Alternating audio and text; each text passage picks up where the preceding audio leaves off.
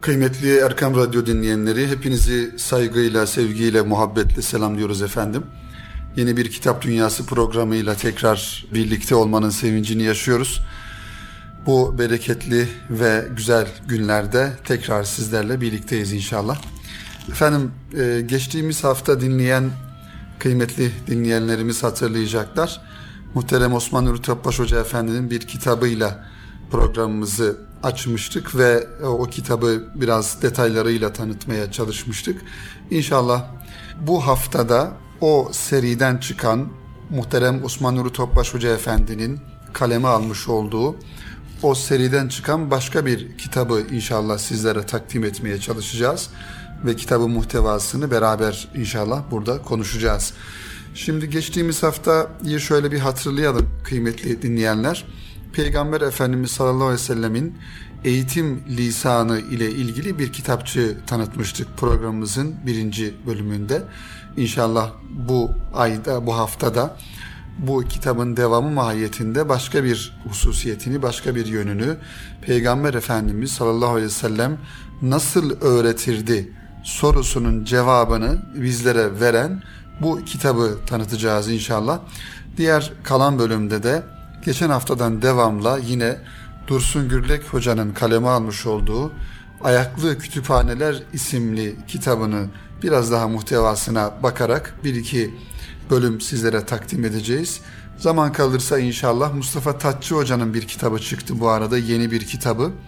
H yayınlarından çıkan bir kitap. Mustafa Tatçı malumunuz e, bir tasavvuf akademisyeni, tasavvuf profesörü. Niyazi Misri ile alakalı özellikle Mustafa Tatçı Hoca'nın kitapları var. Ayrıca Yunus Emre ile alakalı güzel kitapları var. Yunus Emre Divanı var. Ee, bu anlamda hazırlamış olduğu kitaplardan birisi de yine Niyazi Mısri ile alakalı Limni'de bir sürgün veli Niyazi Mısri'nin Hatıraları isimli kitabına da inşallah eğer e, zaman kalırsa anlatmaya çalışacağız. Kıymetli dinleyenlerimiz içinde bulunmuş olduğumuz zaman dilimi önemli bir zaman dilimi. Malumunuz Ramazan ayında her tarafın feyiz ve ruhaniyetle dolduğu, bereketle dolduğu bir aydayız. Ee, kitap alanında da fuarlar düzenleniyor. Elhamdülillah bu yılda Beyazıt'taki Ramazan e, fuarımız, Ramazan çadırı ve oradaki Ramazan fuarı hakikaten çok verimli ve bereketli geçiyor kitap anlamında. Oradaki yayın evlerimiz kitap e, severlerle buluşuyorlar ve yeni kitaplarını takdim ediyorlar. İnşallah Erkam yayınlarının da orada bir standı mevcut. E, dileyen kardeşlerimiz Ramazan ayında iftarlarını oralarda bir yerde yaparak daha sonrasında kitap fuarını gezebilirler, ziyaret edebilirler. Tabi geçtiğimiz haftaki e, kitabın bir devamı diye ifade ettik. Elimizde olan bu kitabı Yüz Akı yayıncılıktan neşredilmiş. Muhterem Osman Nuri Topbaş Hoca Efendi'nin kaleme almış olduğu bir kitap. O nasıl öğretirdi? Şimdi kitaba girmeden önce kıymetli dinleyenlerimiz kitabın muhtevasındaki konulara bakmadan önce bir defa şunu hatırlamamız gerekiyor.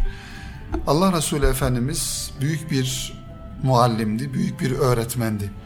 Özellikle yaşamış olduğu asr-ı saadet dediğimiz dönemin ya da asr-ı saadet e, olmadan önceki cahiliye döneminde Peygamber Efendimizin beraber yaşamış olduğu, birlikte hayatlarını sürdürmüş oldukları insanlar, bunlar en yakından en uzağa kadar kendi kavmindeki insanlar dahil olmak üzere diğer kavimdeki e, kavimlerdeki insanlar ya da diğer bölgelerdeki insanlar hakikaten büyük bir şirk ve küfür bataklığı içerisindeydiler. Tabii ki bir Hanif dini e, mevzu bahisti ve Hristiyanlık ehli kitap e, mensubu insanlar, Yahudiler şüphesiz vardı. Ancak tahrif olunmuş bir e, Yahudilik, tahrif olunmuş bir Hristiyanlık ve aynı zamanda birçok ibadeti unutulmuş ve birçok e, dini ritüelleri unutulmuş bir e, din olarak kalan Hanif dini mevcuttu. Tabi Hanif dinine mensup olan insanlar da vardı Peygamber Efendimizin yaşamış olduğu dönemde. Onlar da kendilerine kaldığı kadarıyla o dinin emirlerini, yasaklarını yerine getirmeye çalışıyorlardı. İşte Allah Resulü Efendimiz böyle bir e, topluma, böyle bir dönemde gelmişti. Dolayısıyla Peygamber Efendimizin aslında tebliğci olması hasebiyle en önemli vazifelerinden bir tanesi de e, muallim olmasıydı, öğretmen olmasıydı. Kime öğretmen olacaktı? Tabii ki etrafındaki bütün insanlara en yakınından e, başlamak şartıyla diğer sahabe-i kiramı da e, diğer sahabe-i kiram olacak olan insanları da e, bu öğretme kadrosunun içerisine alarak e, ne yapacaktı? Peygamber Efendimiz onlara e, dini öğretecekti. Peki dini öğrettiği zaman Allah Resulü Efendimiz nasıl bir yöntem uygulaması gerekiyordu? Bu önemli bir husustu. Çünkü peygamberler etrafındaki insanlara Cenab-ı Hakk'ın vahyini, Cenab-ı Hakk'ın emirlerini, yasaklarını bir şekilde anlatmak durumundaydılar. Böyle bir anlatmanın da şüphesiz bir nebevi usulü olması gerekiyordu. Bir vahyin, vahyi aktarmanın bir usulü olması gerekiyordu. Dolayısıyla Peygamber Efendimizin de öyle rastgele e, veya gelişi güzel bir şekilde Allah'ın emir ve yasaklarını anlatması söz konusu olamazdı. Dolayısıyla biz tabii ki Efendimiz'den öğreniyoruz.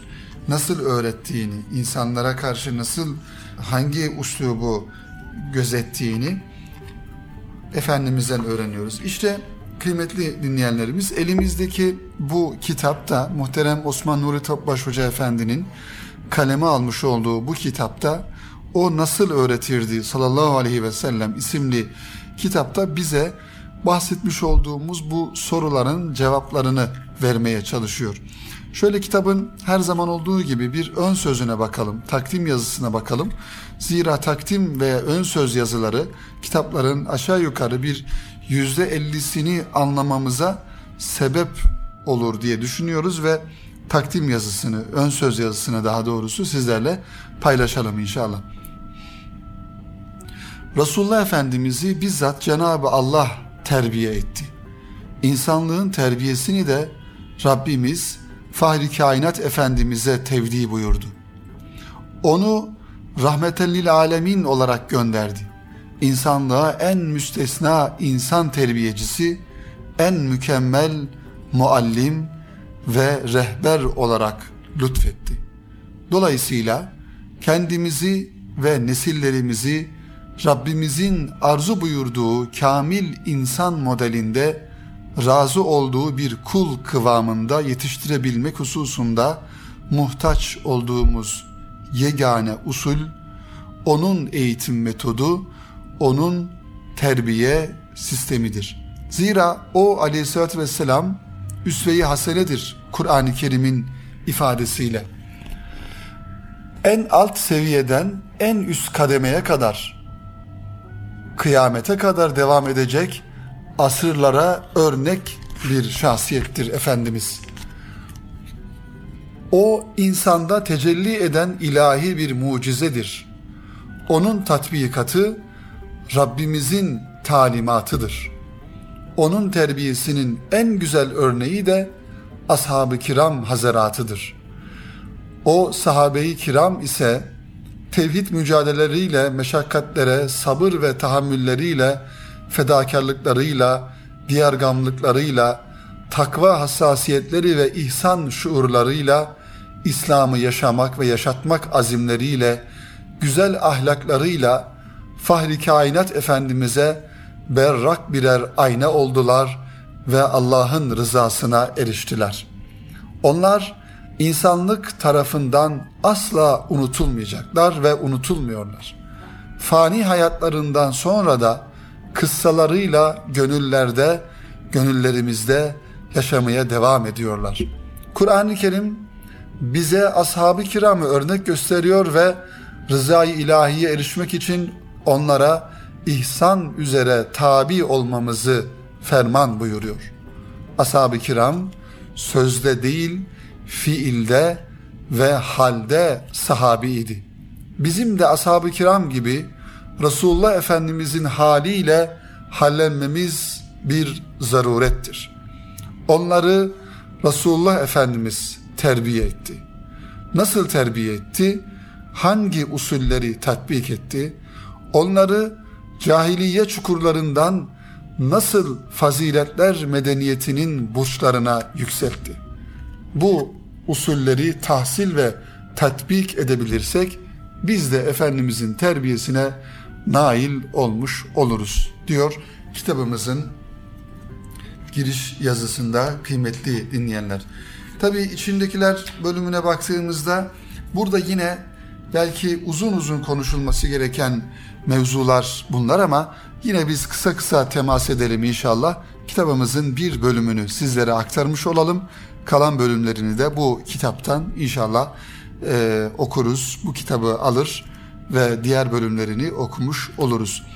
Şimdi Efendimiz Aleyhisselatü Vesselam'ın en önemli eğitim metotlarından bir tanesi ve birincisi bu aynı zamanda bir Kur'an-ı Kerim metodudur. Bu da nedir? Birincisi tedricilik dediğimiz yani birden değil basamak basamak derece derece yol almak demek tedricilik kelimesinin manası. Kur'an-ı Kerim cahiliye toplumunun adeta müptela olduğu bazı hastalıkları insanlığı irşada başlar başlamaz teşhis ve tedaviye girişmemiş. Basamak basamak Efendimizin risalet ömrü olan 23 yıla yayarak tatbik etmiştir. İçkinin ve faizin yasaklanması da böyle olmuştur. Malumunuz içki ile alakalı Kur'an-ı Kerim'de birkaç ayeti kerime mevcut. Bunlardan ilki şu şekilde en azından e, mealen aklımızda kaldığı kadar ifade edelim. Hani içkide sizin için fayda da vardır, zarar da vardır. İkincisi ise onda sizin için zararı faydadan daha fazladır. Son gelen ayet-i kerime ise tamamen içkinin yasaklandığı, yasak kılındığı ayeti kerime olarak Rabbimizden müminlere gelmiş oluyor. Dolayısıyla bir e, cahiliye toplumundaki sosyal hayatı düşünelim kıymetli dinleyenlerimiz. İnsanların çoğusu içki içiyorlar, şarap içiyorlar, içki müptelası olmuşlar. Böyle bir durumda olan bir insanı, insan kitlesini ya da insanı bir anda bu haramdır, bunu mutlaka bırakman lazım demek, bu söylenilen emrin bir yönüyle e, uygulanabilirliğini ortadan kaldırır. Dolayısıyla Rabbimizin uygulamış olduğu metot tedricilik. İşte burada da ifade ettiğimiz gibi içkinin ve faizin yasaklanması da bu şekilde olmuştur. İşte Efendimiz sallallahu aleyhi ve sellemin de uygulamalarının başında sahabe-i kirama aynı şekilde öğrettiği konuları uygularken tedricilik yöntemini uyguladığını görüyoruz. Burada e, Peygamber Efendimizin Muaz bin Cebel'i Yemen'e gönderirken şu tavsiyelerde bulunduğunu görüyoruz. Muaz bin Cebel'e şöyle diyor Peygamber Efendimiz. Doğrusu sen ehli kitap olan bir topluma gidiyorsun. Onları Allah'tan başka ilah olmadığına ve benim Allah'ın Resulü olduğuma şehadet etmeye davet et. Şayet buna itaat ederlerse Allah'ın kendilerine bir gündüz ve gecede beş vakit namazı farz kıldığını bildir. Bunu kabul edip itaat ederlerse zenginlerinden alınıp fakirlere verilmek üzere kendilerine zekatın farz kılındığını haber ver. Buna da itaat ettikleri takdirde mallarının en kıymetlilerini almaktan sakın. Mazlumun bedduasını almaktan çekin. Çünkü onun bedduası ile Allah arasında perde yoktur. İşte bu hadisi şerifte tedriciliğin temellerini temin etmenin mümkün olduğunu görüyoruz. Resulullah Efendimiz sallallahu aleyhi ve sellemin Muaz bin Cebel'e nasıl bir yöntem, nasıl bir yol uyguladığını da burada görmüş oluyoruz. Tabi tedricilik insana kıymetli dinleyenler sabrı da öğretir. Henüz zihni melekeleri yeterince gelişmemiş bir çocuğa derin bir hakikati anlamıyor diye sinirlenmek, gazaplanmak elbette ki manasızdır. Tecrübesiz eğitimciler acelecilik ederler. Bütün bildiklerini muhataplarına bir anda boca etmek isterler. Efendimiz bu hususta bize doğrusunu öğretiyor. Bunu da şöyle bir rivayetle Ebu Abdurrahman Es-Sülemi şöyle anlatıyor. Allah Resulü Efendimiz zin ashabından bizlere Kur'an-ı Kerim talim eden biri vardı. Bize şu haberi verdi. Biz Peygamber Efendimiz'den 10 ayet alır, bunlardaki bilgileri ve amelleri öğrenmeden diğer 10 ayete geçmezdik. Resulullah Efendimiz bize hem ilim hem de ameli birlikte öğretirdi diyor. Dolayısıyla bu e, yaz döneminde kıymetli dinleyenlerimiz içinde bulunmuş olduğumuz şu yaz döneminde yaz kurslarında özellikle bizim dizimizin dibine gelen, bizim rahlemize gelen o küçücük yavrularımıza, o pırlanta evlatlarımıza İslam'ın emirlerini, Kur'an-ı Kerim'i, akaidi, siyeri, namazı öğretirken bu e, usullere dikkat etmemiz gerekiyor. Tabi o usullerden bir diğeri ise muhatabımızı iyi tanımak. Karşımızdaki öğrencimizin ya da karşımızdaki insanın hangi seviyede olduğunu, hangi bilgi seviyesinde ya da idrak seviyesinde olduğunu en güzel şekilde öğrenmek, bilmek ve ona göre bir yol uygulamak. Bunun içinde bir eğitimcinin, bir muallimin, bir öğretmenin firaset sahibi bir insan olması gerekiyor. Ayet-i kerimede biliyorsunuz Bakara suresinin 273. ayet-i kerimesinde Rabbimiz sen onları simalarından tanırsın. Tabi buradaki kastedilen onlar veya simalarından tanınacak olan insanlar her ne kadar farklı kategoride insanlar olsa da yani fakirler de olabilir, ihtiyaç sahibi insanlar da olabilir bunlar ama bir müminin firaset sahibi olması demek karşısındaki muhatabına baktığı zaman o muhatabının hangi durumda olduğunu, neye ihtiyacı olduğunu, nasıl bir kalitede bir insan olduğunu anlaması demektir. Firaset sahibi mümin bu demektir. Dolayısıyla muhatabı simasından anlayabilecek bir idrak seviyesi bir müminin kalbinin röntgen haline geldiğini gösterir. O idrak seviyesinde ise eğer insan bir başka ifadeyle firaset nedir diye soracak olursak kalp ile beyin fonksiyonlarının müşterek çalışmasını sağlayabilmek demektir. Dolayısıyla tedricilik dedik, ikincisi muhatabı iyi tanımak dedik ve Peygamber Efendimizin usullerinden bir diğeri ise yaşayarak öğretmek. Yani önce kendisi bunları yaşayacak, uygulayacak. Daha sonrasında zaten muhatabı olan insanlar bunu görecek ve ona göre tesir altında kalacaklar. Allah Resulü Efendimizin en mühim ve en büyük talim metodu emrettiği şeyi ilk önce kendisinin yapması, kendisinin yaşaması. Yani onu muhatabına yaşayarak öğretmesiydi. Bu hususiyet onun getirdiği dinde doğru olduğunun en büyük delilidir. Çünkü bir emir getirmiş, bunu evvela kendisi tutmuş, her şeyden nehyetmiş, bundan evvela kendisi uzaklaşmış, nasihatte bulunmuş, kendisi de hissedar olmuş, korkutmuş, kendisi ilk korkan olmuş, ümitlendirmiş ve yine aynı şekilde kendisi ilk ümit edenlerin önderi olmuştur. Dolayısıyla Efendimiz Aleyhisselatü Vesselam'ın yaşayarak öğretme özelliğini de burada görmüş oluyoruz. Diğer bir Peygamber Efendimizin nasıl öğretirdi sorusunun cevabı ise ortaya çıkan imkan ve fırsatları değerlendirmek. Bu tabi eğitimcinin önemli bir vasfı kıymetli dinleyenler. Bir eğitimci aslında muhatabı olan öğrenciyi bir sarraf titizliğinde, bir kuyumcu hassasiyetinde, kuyumcu titizliğinde önündeki bir altın parçasıymış gibi o öğrenciyi bunu nasıl en güzel şekilde işleriz, bunu en güzel şekilde nasıl tezyin ederiz e, noktasından bakarak o öğrenciyi önce tanımalı, ondan sonra da muhatabını, muhatabının ihtiyaç duymuş olduğu alanları tespit ederek ona en güzel şekilde en doğru bilgiyi verebilme gayretinde olması gerekiyor. Dolayısıyla bu kitabımızı da inşallah tanıtımını burada bitirmiş olalım. Muhterem Osman Nuri Topbaş Hoca Efendi'nin Yüz Akı yayıncılıktan çıkan Kutlu Doğum serisinden çıkan bir kitabı bu. Efendimiz Aleyhisselatü Vesselam'ın eğitim metodunu, nasıl eğitimci olduğunu, nasıl bir muallim olduğunu ve hangi ölçülere dikkat ettiğini anlatan güzel bir kitapçık. Tabi bu kitapları niçin e, özellikle bu haftalarda tanıtıyoruz kıymetli dinleyenlerimiz? Her zaman ifade ettiğimiz gibi eğitim önemli bir husus ve bizim yavrularımız okul dönemlerinde almış oldukları eğitimin dışında yaz aylarında, yaz tatillerinde de onları boş bırakmamak gerekiyor. Mutlaka bir yaz kursuna yazdırmamız, göndermemiz gerekiyor.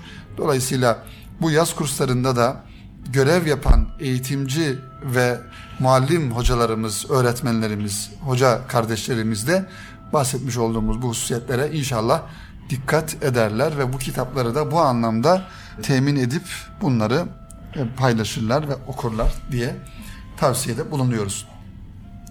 Bizleri radyoları başlarında, evlerinde, araçlarında seyir halindeyken dinleyen bütün dinleyenlerimizi tekrar saygıyla, sevgiyle ve muhabbetle selamlıyoruz. Bir Ramazan ayında, bir Ramazan akşamında Ramazan ayımızın feyizli, bereketli, ruhaniyetli geçmesini Rabbimizden temenni ediyoruz ve kaldığımız yerden devam ediyoruz inşallah. Şimdi Dursun Gürlek Hoca'dan geçen hafta bahsetmiştik. Dursun hocamızın kaleme almış olduğu güzel bir kitap. Bu kitaptan zaman zaman inşallah sizlerle paylaşacağız buradaki bilgileri. Ayaklı Kütüphaneler isimli kitabı Kubbe Altı yayınlarından 7. baskısını yapmış Dursun Gürlek hocamız. Yaşayan önemli tarihçilerimizden bir tanesi. Bir kültür insanı, bir İstanbul aşığı ve kitaplarıyla, sohbetleriyle özellikle hakikaten doyumsuz bir üslubuyla e, biz onu okuyoruz, okumaya devam ediyoruz. Tabi Ayaklı Kütüphaneler kitabından geçen hafta bahsetmiştik. Dinleyen e, kardeşlerimiz hatırlayacaklar. Bir takım nüansları sizlere sunmaya çalışmıştık. Ben tabi yakın bir dönemde 1916-1985 yılları arasında yaşamış bir sahaftan bahsedeceğiz. Kendisi cerrahilerin aynı zamanda şeyhi bir cerrahi şeyhi olan ve aynı zamanda sahafların da şeyhi olan Hacı Muzaffer Özak e, Hoca Efendi'den bahsedeceğiz bu kitap vesilesiyle.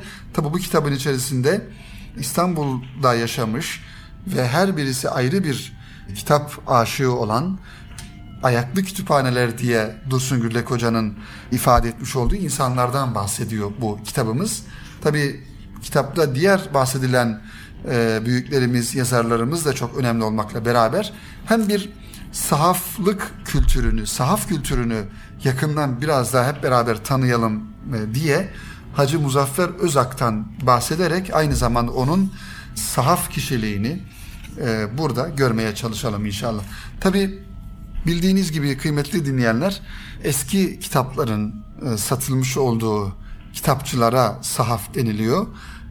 böyle ikinci el insanların evlerinde hani okumadıkları ya da okuyup da kendilerine artık bir yönüyle e, evlerinde e, saklamak istemedikleri kitapları getirip ikinci el olarak sattıkları satılan yerler, kitapçılar. Günümüzde e, aslında Cağaloğlu'nda bu tarz e, kitapçılar var. Kitap satan insanlar var. Ben özellikle kütüp e, daha doğrusu fuarlarda rastlıyoruz bu tarz insanlara. Bu da ayrı bir güzellik. Fuarlarda normal yayıncıların bulunmuş olduğu standlar olmakla beraber bir de sahafların eski kitapların bulunmuş olduğu standlar da açılıyor. Hakikaten oralarda çok ilginç, çok enteresan kitaplara insan rastlıyor. Eski baskı kitaplar var, gazeteler var, dergiler var. Yani Cumhuriyet'in ilk kurulduğu yıllardan günümüze kadar e, baktığımızda o ilk yıllardaki çıkan e, kitaplardan görebiliyoruz. Onlar tabii çok da pahalıya satılmıyor doğrusu.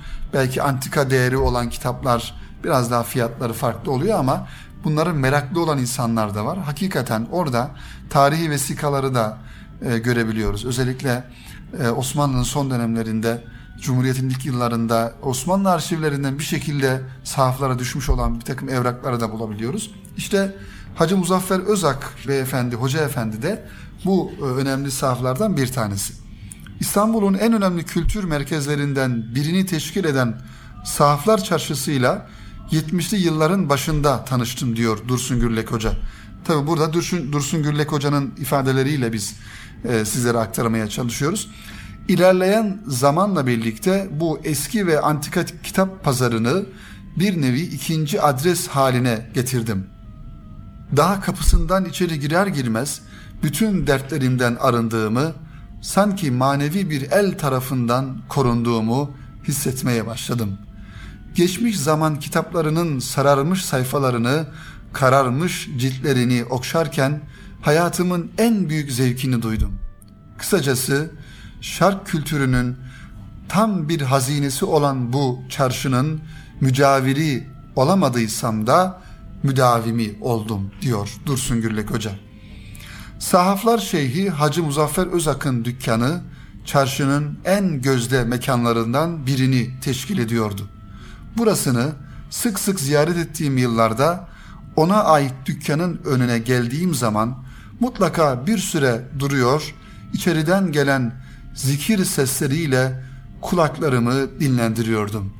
Ama şurası da bir gerçekti ki buranın tekke mi yoksa bir kitapçı dükkanı mı olduğu konusunda bazen de tereddüde düşüyordum. Yıllar sonra bir röportaj yapmak için Hazreti mekanında ziyaret edince gördüklerim karşısında hem hayret ettim hem de huzuru yakaladım. Tarihin, edebiyatın, tasavvufun, sohbetin, şiirin, fıkranın iç içe geçtiği, bunları dinleyerek insanların adeta kendinden geçtiği, aşk ve meşk ehlinin kafileler halinde gelip geçtiği böyle antika bir kitapçı dükkanını ziyaret etmek için hayli geç kaldığımı düşündüm ve kendi kendime hayıflandım. Bin bir marifet sahibi olan çok yönlü şahsiyetlere eskiler Hazerfen diyorlardı. İşte sahaflar şeyhi Hacı Muzaffer Özak da onlardan biriydi. Sahibi olduğu kitapçı dükkanı tam bir ilim ve sohbet meclisi bir nevi serbest akademiydi. Burada her konu rahatça konuşuluyor, çay ve kahve höpürtüleri arasında dumanlar da yükseliyor. Hatta sigarasız kahve içmek kış günü battaniyesiz yatmaya benzetiliyordu. Hazretin nevi şahsına münhasır üslubuyla yaptığı sohbetler, Davudi sesiyle anlattığı yakası açılmadık fıkralar, enteresan jest ve mimik hareketleri, son derece başarılı şive taklitleri, hüzzar kiramı zevkten adeta dört köşe ediyordu. Hayranlarının arasında her kesimden insan bulunuyor, özellikle Amerikalı ve Avrupalı müritleri itaatkar tavırlarıyla dikkati çekiyordu. Mekanın şerefi orada bulunan insandan gelir sözüne uygun olarak Hacı Muzaffer Özak da küçük dükkanını büyük insanların devam ettiği bir cazibe merkezi haline getiriyordu. Sahaflık mesleğinin diğer gözde isimleri olan Raif Yelkenci, Raşit Efendi, Hulusi Bey ve oğlu Ekrem Karadeniz gibi Muzaffer Özak da kitabı çok para verene değil, ona çok ihtiyacı olana, daha doğrusu ehline satmaktan hoşlanıyordu. Diye bu sahaflar bölümü Muzaffer Hacı Muzaffer Özak Efendi ile alakalı bölüm devam ediyor. Tabii özellikle niçin seçtik bunu kıymetli dinleyenler? Çünkü hakikaten sahaflık kültürü biz üniversite yıllarımızda ya da lise yıllarımızda malumunuz Beyazıt'ta Sahaflar Çarşısı diye bilinen bir yer. Hala orası devam eder. Belki eski e, gözdeliğini, popülerliğini kaybetmiş olmakla beraber ama yine de devam ediyor oradaki sahaflar bölümü. Küçücük bir yer. Beyazıt Camii'nin hemen arka tarafında. Oraya giderdik. Orada eski antikacılar bulunurdu. İşte yüzük satanlar, kalem satanlar veya eski paraları satan insanlar görürdük ve hemen onun yan tarafında da sahaflar bulunurdu. Sahaflarda da eski kitaplar bulunurdu. Tabi bu ayrı bir meslek, ayrı bir merak konusu. Bazen öyle ki baskısı olmayan kitapların, daha doğrusu baskısı artık yapılmayan kitapları biz sahaflarda bulabiliyoruz. Sahaflardan temin edebiliyoruz. Dolayısıyla bu da ayrı bir alan olmakla beraber sahafları da mutlaka gezelim, oradaki kitapları tanıyalım. Bazen hiç ummadığımız bir anda böyle çok eski tarihli kitaplara da rastlayabiliriz. Tabii e, bu da ayrı bir merak konusu ifade ettiğimiz gibi. Efendim bu haftaki programımızda yine iki kitap e, tanıtmış olduk. Zaten bir tanesini geçtiğimiz hafta biraz bölümünü tanıtmaya çalışmıştık. Dursun Güllek Hoca'nın Ayaklı Kütüphaneler kitabını ve diğer bir kitabımızda muhterem Osman Nuri Topbaş Hoca Efendi'nin Peygamber Efendimiz sallallahu aleyhi ve sellemin eğitim üslubunu, eğitim tarzını anlatan o sallallahu aleyhi ve sellem nasıl öğretirdi isimli kitabını da bu hafta sizlere aktarmış olduk. Yüz Akı yayıncılıktan çıkan bir kitap.